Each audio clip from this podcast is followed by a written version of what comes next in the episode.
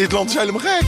Dit is zo'n corrupte gemeente tot op het bot. We zijn boos, cynisch, wantrouwend. Nederland verandert. We onderzoeken de rol van angst in onze omgang met elkaar, in de politiek, in de geschiedenis.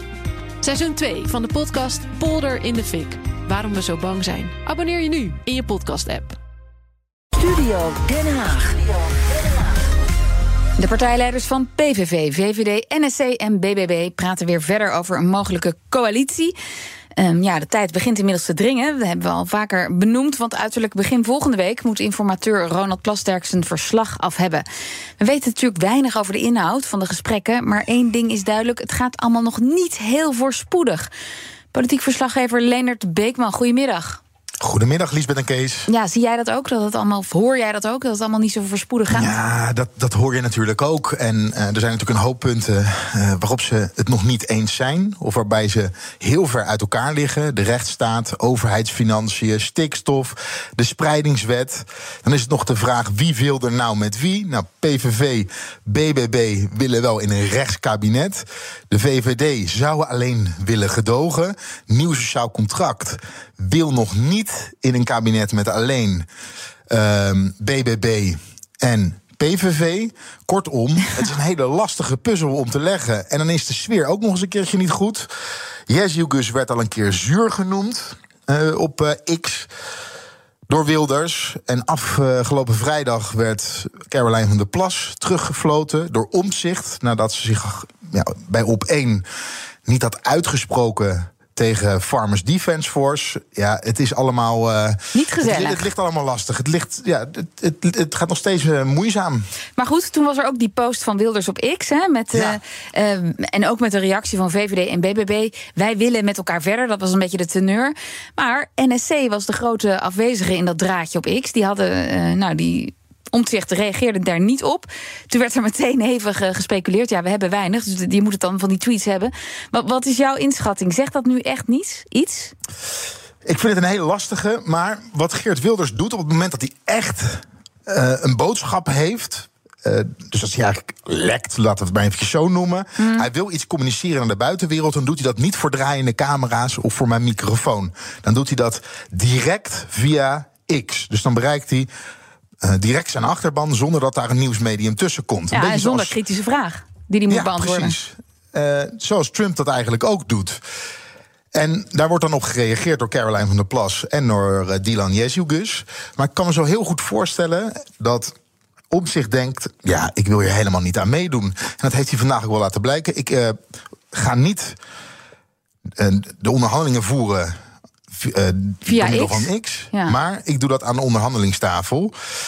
Ja, dus het zegt eigenlijk en, niet zo weinig, zeg jij. Politiek zegt het niet nou, zoveel. Ja, ja, dat is maar de vraag. Want je, je kan natuurlijk ook zeggen... hij is de enige die zich niet duidelijk uitspreekt... over gezamenlijk een kabinet te gaan, uh, gaan mm. vormen... zoals de kiezer dat zou willen, zoals je dat dan zo vaak hoort. Maar goed, ja, het is pas de informatieronde. Hè? Ja. Um, we zijn nog geen kabinet aan het vormen. Er hoeft volgende week nog geen coalitie te zijn... We staan volgende week ook nog niet bij het bordes met nieuwe ministers. Het moet, ze moeten elkaar vinden op hoofdlijnen. Nou, en dat is al lastig genoeg. Ja. Dan nog even over die tweets. We vroegen Jesjukes nou nog wel even van wat, wat zegt dat u nou dat om zich niet gereageerd heeft? Ik ga alleen over mijn eigen tweets. En ik heb ja. uh, vorige week bij het congres ook al gezegd... aan de VVD zal het niet liggen. We doen ons best en we hopen dat we eruit komen. Dus daar kon ik mij prima bij aansluiten. U dacht niet wat gek dat Omtzigt daar nou weer niet op reageert? Ik probeer drie banen in de lucht te houden, dus ik let niet op alle tweets. Ja, ze let niet op alle tweets, maar ze reageert ze wel reageert op de tweet wel. van Wilders. Ja. ja. Dus ze let wel op tweets. Ja, en in het Kamergebouw, zeker van partijen die niet aan die onderhandelingstafel zitten... ja, zij denken ook, waar, waar kijken we nou eigenlijk naar? Ik sprak uh, Paternotte van D66 hier nog even over... En Bontebal van het CDA. Ik ben natuurlijk wel erg benieuwd naar waar de, de, de, de partijen die nu met elkaar aan het snuffelen zijn, waar ze nu staan. Nou, het is op zich fijn dat we er wat van mee kunnen krijgen. Hè? En ik gun het ook de rest van Nederland uh, dat het kan. Alleen, ja, op zich zit je natuurlijk gewoon te wachten op uh, inhoud van wat is er nou afgesproken en hebben ze een basis om te gaan onderhandelen. Ga eens even van die social media af en onderhandel gewoon achter de schermen. Want alles wat je in het openbaar doet, maakt zo'n onderhandeling beter. En ik, ik moest wel uh, ja, grinniken toen ik, toen ik las dat ze op een geheime locatie dan aan het praten zijn. Kijk, als ik uh, tegen mijn familie zou zeggen dat ik met mijn vrouw op een geheime locatie uh, over onze chemie aan het praten was, dan zou mijn familie wel weten hoe laat het was. Ja, en hier moest ik weer een beetje om grinniken. Ja. Want ja. ja. er zit natuurlijk wel een kern van waarheid in. Ja, maar goed, laat, laten we dan even teruggaan naar wat we wel weten. Want op basis van de verkiezingsprogramma's zijn er toch heel veel punten waarop de meningen echt verschillen. Ook in deze laatste week voordat het eindverslag moet worden ingeleverd. Oekraïne, klimaat, nou je noemde het net ook de spreidingswet. Ja.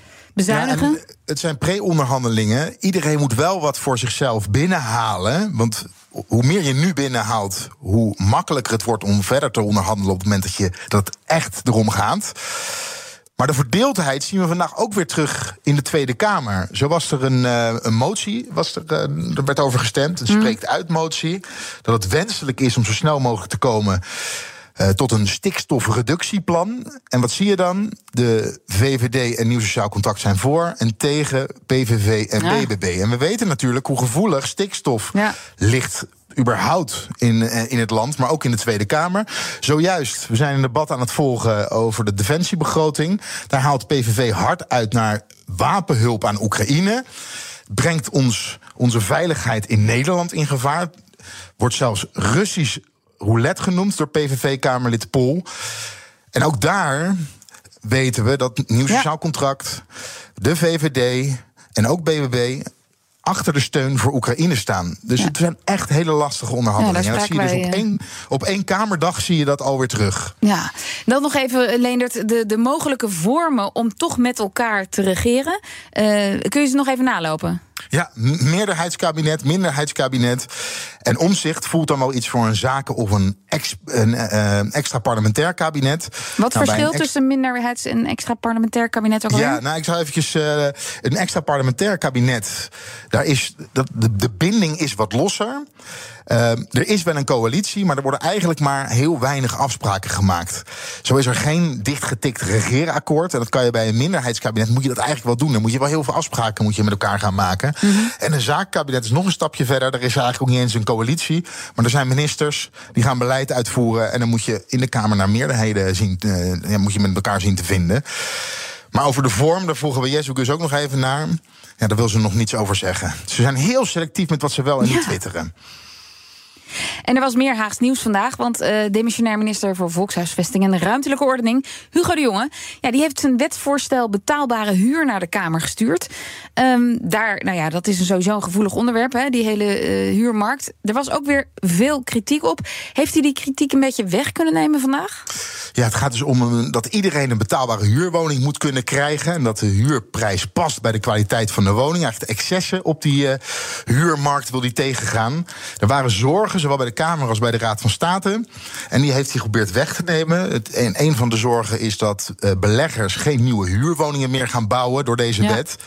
Omdat het niet meer rendabel is voor de huurwoningen die nu gebouwd worden, daar wordt in ieder geval over gezegd dat ze permanent 10% extra huur daarvoor mogen vragen.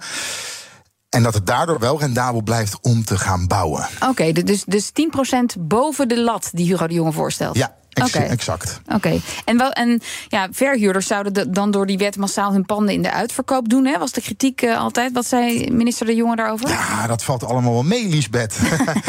ja, uh, ze hebben het onderzocht. Daarbij zegt hij ook. Het is niet zo erg als er wat woningen op de, op de koopmarkt komen.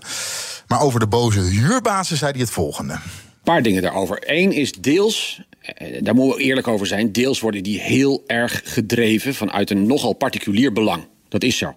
De portemonnee. Ja, de portemonnee. En als dit wetsvoorstel geen weerstand zou oproepen.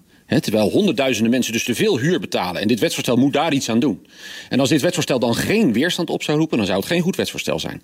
Want natuurlijk raakt het uh, verhuurders in hun portemonnee. Dat kan in ieder geval. Als je nu te dure huur rekent en 40% van de verhuurders rekent te dure huur. Als het hen dan niet zou raken, dan zou het geen goed wetsvoorstel zijn. Ja, ik moet zeggen dat er wel. Ik kan meekomen in wat hij zegt. Mm. Uh, uiteraard, uh, als er geen kritiek op was geweest. Ze willen de excessen willen ze tegengaan. Ja, dan was het geen goed wetsvoorstel geweest. Maar hij zegt ook, nou, de huurbazen moeten uit kunnen. En het is hard nodig, want we moeten nu gaan staan voor de huurder en niet voor de verhuurder. En, en komt dit voorstel dan wel door de Kamer, denk je? wordt lastig. VVD en Nieuw Sociaal Contract zijn heel kritisch. En ook over of het wel of niet door de Kamer komt, sprak ik uh, minister De Jonge even. Ik ben uiteindelijk ben ik ervan overtuigd dat de Kamer dit eh, voorstel in beide kamers zal steunen, ook in brede meerderheid zal steunen. En waarom? Dat is omdat geen enkele politieke partij het zich kan veroorloven om te zeggen: joh, die bestaanszekerheid van leraren en van agenten en van verpleegkundigen, dat zoeken ze zelf maar uit. Daar zijn wij niet van. Nee, dat was het allerbelangrijkste verkiezingsthema. Ja, dit is het optimist, uh, optimisme. Wat kennen we natuurlijk van Hugo de Jonge. Uh, ik kan je wel vertellen, het gaat heel erg lastig worden om de wet door de Tweede Kamer te krijgen. Oké, nou ja, en dan nog deze week de formatie. Zijn er morgen weer gesprekken met uh, de informateur, met Plasterk? Weet jij dat? We hebben nog niets gehoord, maar ik ga ervan uit dat ze wel verder gaan praten. Er is wel iets wat heel lastig is. Dylan Jezus moet als minister de eigen begroting van justitie en veiligheid gaan verdedigen in de Tweede Kamer. Mm. Dat is morgen en overmorgen, waardoor ah. zij niet de hele dag kan aanschuiven. Nee. Dus het is heel lastig. En of er vanavond nog gesproken wordt, Weet ik ook niet. Nee, is in ieder geval nog niet getwitterd. Nee, ik wou net zeggen, we moeten X in de gaten houden voor het laatste nieuws. Nee hoor, dan eh, kloppen we bij jou aan. Dankjewel, politiek verslaggever Leendert Beekman. Bij BNR ben je altijd als eerste op de hoogte van het laatste nieuws. Luister dagelijks live via internet. Bas van Werven. En heel langzaam komt de zon op rond dit tijdstip. Je krijgt inzicht in de dag die komt op BNR, het Binnenhof in Nederland en de rest van de wereld. De Ochtendspits. Voor de beste start van je werkdag. Blijf scherp en mis niets.